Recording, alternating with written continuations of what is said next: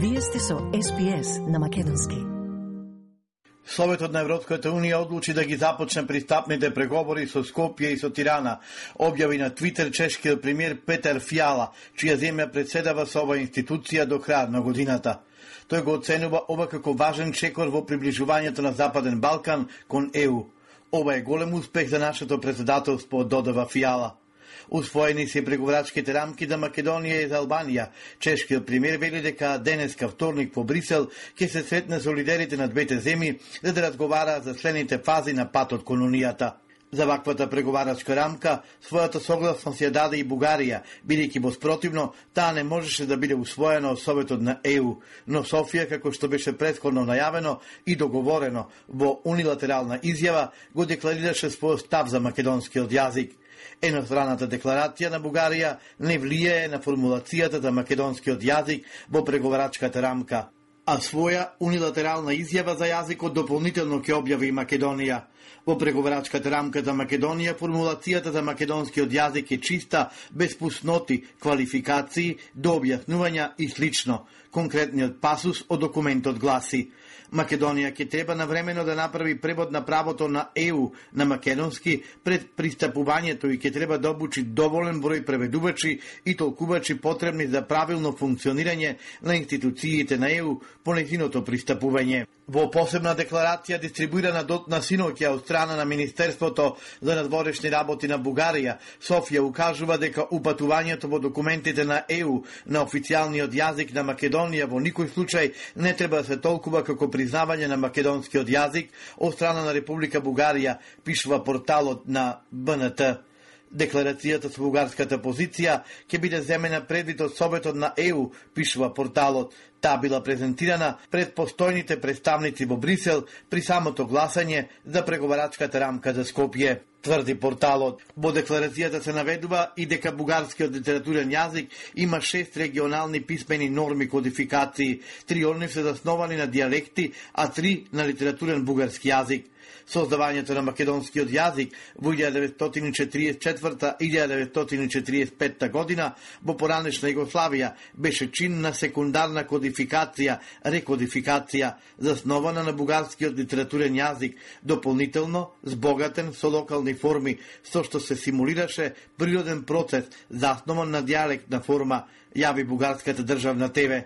Премиерот Димитар Ковачевски ќе ја предводи официјалната владина делегација во Брисел, која денеска во Советот на Европската Унија ќе учествува на првата меѓувладина конференција. Како што соопшти владината пресслужба, ова меѓувладина конференција од историско значење за Македонија, бидејќи со неа се означува почнувањето на преговорите за полноправно членство на земјата во ЕУ.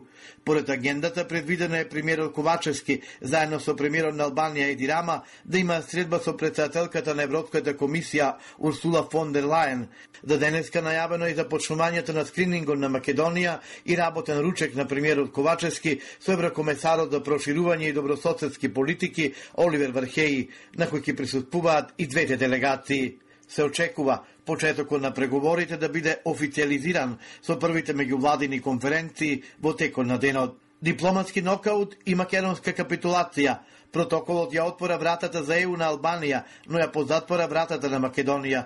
Вака лидерот на опозицијската ВМРО ДПМН Христијан Мицковски го цени подпишувањето на протоколот меѓу Османи и Генчовска.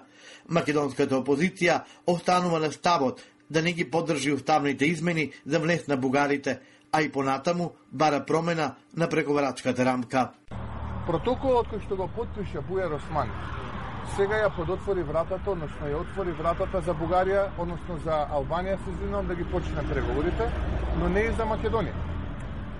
За да Македонија ги почне преговорите, потребно е да се промени уставот. Во овој момент владата нема две третини, што значи дека предлог преговарачката рамка останува предлог преговарачка, не е усвоена. Ние бараме истата да претрпи измена во членот 5, алинеја 4, каде што таа сега ваква каква што е се повикува на билатералниот договор и протоколот кој што го потпиша Бујар Османи На прашањето од новинарите зошто ВМРО ДПМН не почне веднаш со собирање подписи за референдумот што го најави, туку ќе чекаат да поминат од морите, Мицковски рече дека прво ќе се консултираат со експерти и ќе направат методологија за тоа зошто претениците на ВМРО ДПМН во собранието не гласаа против да заклучоците за францускиот предлог, туку излегоа од салата, Мицковски рече дека не сакале да ја дадат легитимитет на одлуката на мнозинството. За власта по подпишувањето на договорот, Македонија веќе утре ги стартува преговорите, изјави на прес претеникот Ненад Коцич. Нема никаква бугаризација и асимилација како што лажа Мицкоски и ВМРО да ДПМН. Комисијата целосно автономно одлучува и содржински и временски без да им се меша политиката и дополнително без рокови. Имаме гарантиран реципроцитет за сите прашања. Тоа што важи за нас, важи и за Бугарија. Протоколот потврдува, воопшто не е поврзан и не ги условува почетокот на преговорите, тие започнуваат утре преку првата меѓувладена конференција и старт на скринингот. Павле Трајанов од Демократскиот сојуз, кој не ги поддржа владеачките да клучоци, сега е без коментар по подпишаниот протокол. Со резерви останува и Маја Морачанин од дом, иако лично не е против уставните измени, во кои ќе се внесе бугарската земница во преамбулата.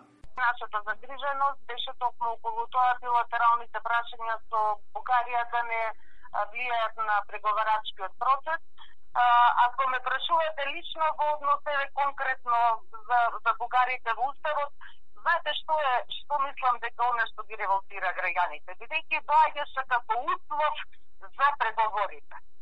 Тоа е суштинскиот а, а, момент каде што луѓето се, се чувствуваат навредени, а не самото внесување на дел од, од народ во, во Уставот. Од ЛДП вела дека останува на заклучоците на Централниот одбор на партијата да даде поддршка на евроинтеграциите, но со утврдени црвени линии, македонски јазик без никакви додавки или објаснувања и заштитени историски и културни особености на македонскиот народ го деблокиравме почетокот на пристапните преговори со Македонија и Албанија, ова историски момент по толку години чекање со кандидатски статус и ништо не се случи. Конечното гласање во собранието на Македонија ја отвори вратата, изјави Жосеп Борел, висок представник на ЕУ за надворешни работи и безбедност. Амбасадорот на Словенија во Македонија, Милан Предан, пред медиумите посочи дека македонскиот јазик е признаен од 26 земји членки на ЕУ, што значи дека ќе биде официјален јазик во Унијата. Едностраната изјава на Бугарија, според Предан, нема да има никакво влијание на статусот на македонскиот јазик во ЕУ. Бугарскиот универзитетски професор Стефан Дечев отворено ја критикува како што вели празноглавата Генчовска, која постојано повторува дека Бугарија не го признава македонскиот јазик. За него прашање на добро воспитување, а не на филолошко познавање јазикот кој твојот сосед го нарекува македонски и ти да го нарекуваш како што тој го нарекува и тој. Неја мисли на Генчовска, воопшто не ја засега колку е тоа арогантно и навредливо за луѓето кои што го зборуваат тој јазик, а го нарекуваат македонски, како поинаку да го нарекуваат, прашува историчарот Дечев. Не може цела Бугарија се срами поради одлуката на една сектија на Бугарската академија на науките БАН или на едно семејство лингвисти во Брисел, во Париз, во Берлин, во Амстердам, во Копенхаген, во Токио, во Вашингтон, во Москва, во Киев, во Министерството за надворешни работи на универзитети и катедри, јазикот е македонски. И тука падежите, инфинитивите, клаузулите, акцентите и така натаму воопшто не се важни, пишува Дечев во својот коментар, а пренесува порталот 360. Историчарите се шокирани од протоколот кој Македонија го подпиша со Бугарија, во кој е метната и работата на историската комисија. Ваков документ ни Ванчо Михајлов не би подпишал, вели професор Ванчо Георгиев за Сител, кој лани си замена од историската комисија поради политичкиот притисок врз нејзината работа обврска на двете влади да ги бележат активностите на комисијата. Што може да очекуваме кој ќе стигнеме до вековниот период во времето на преродбенското движење, во времето на странските пропаганди во Македонија, во времето на е, македонското револуционно движење, на Илинденското востание. Тогаш ќе дојдат нови, изречни, таксативни барања од бугарска страна, кои што повторно ќе бидат бележани во е, протоколите напишаното внатри тоа што ќе следи со оглед на тоа што знам кој стои од другата страна и какви позиции застапува, едноставно се чудам дали луѓе од типот на Ванчо Михајлов би можеле дури да прифатат и да подпишат таков протокол во однос на Македонија. Георгиев очекува во наредниот период и останатите членови на комисијата да се заминат, бидејќи ќе бидат под огромен притисок. Протоколот ќе биде премен на разгледување на целиот седумчлен македонски состав на историската комисија, но свој став за него ќе дадат дури откако наредната недела ќе се состанат и ќе го анализираат, објави Телма. До тогаш нема да даваат изјави, иако со протоколот добијат две охрабрувања. Едното е за една година да ја завршат работата со бугарските колеги за средниот век, второто е историската комисија да заврши со работата до влесна Македонија во ЕУ. Другите рокови ќе зависат од нив, иако историчарите кои се надвор од комисијата сметаат дека рокови во наука нема, објави Телма по консултирање на експерти и историчари. Во неделата вечерта на МТВ беше објавен документарет изработен од истражувачката репортерска лабораторија во која се тврди дека приватната болница Жан Митрев во која се лекува најмногу COVID-19 пациенти користела метод што практично бил клиничка студија. Студијата сепак не била пријавена и одобрена од Малмет, а пациентите биле доведени во заблуда дека станува збор за испробан и ефикасен механизам. Болницата, открија одирела, се соочила со голем број интрахоспитални инфекции при лекувањето со хемофилтрација, а ниту еднаш не ги известила надлежните за тоа, иако има законска обврска. Министер за здравство Беким Сали на пресконференција изјави дека побарал вонреден инспекцијски надзор во клиничката болница Жан Митрев. СПС на Македонски. Споделете ги нашите прилози на Facebook,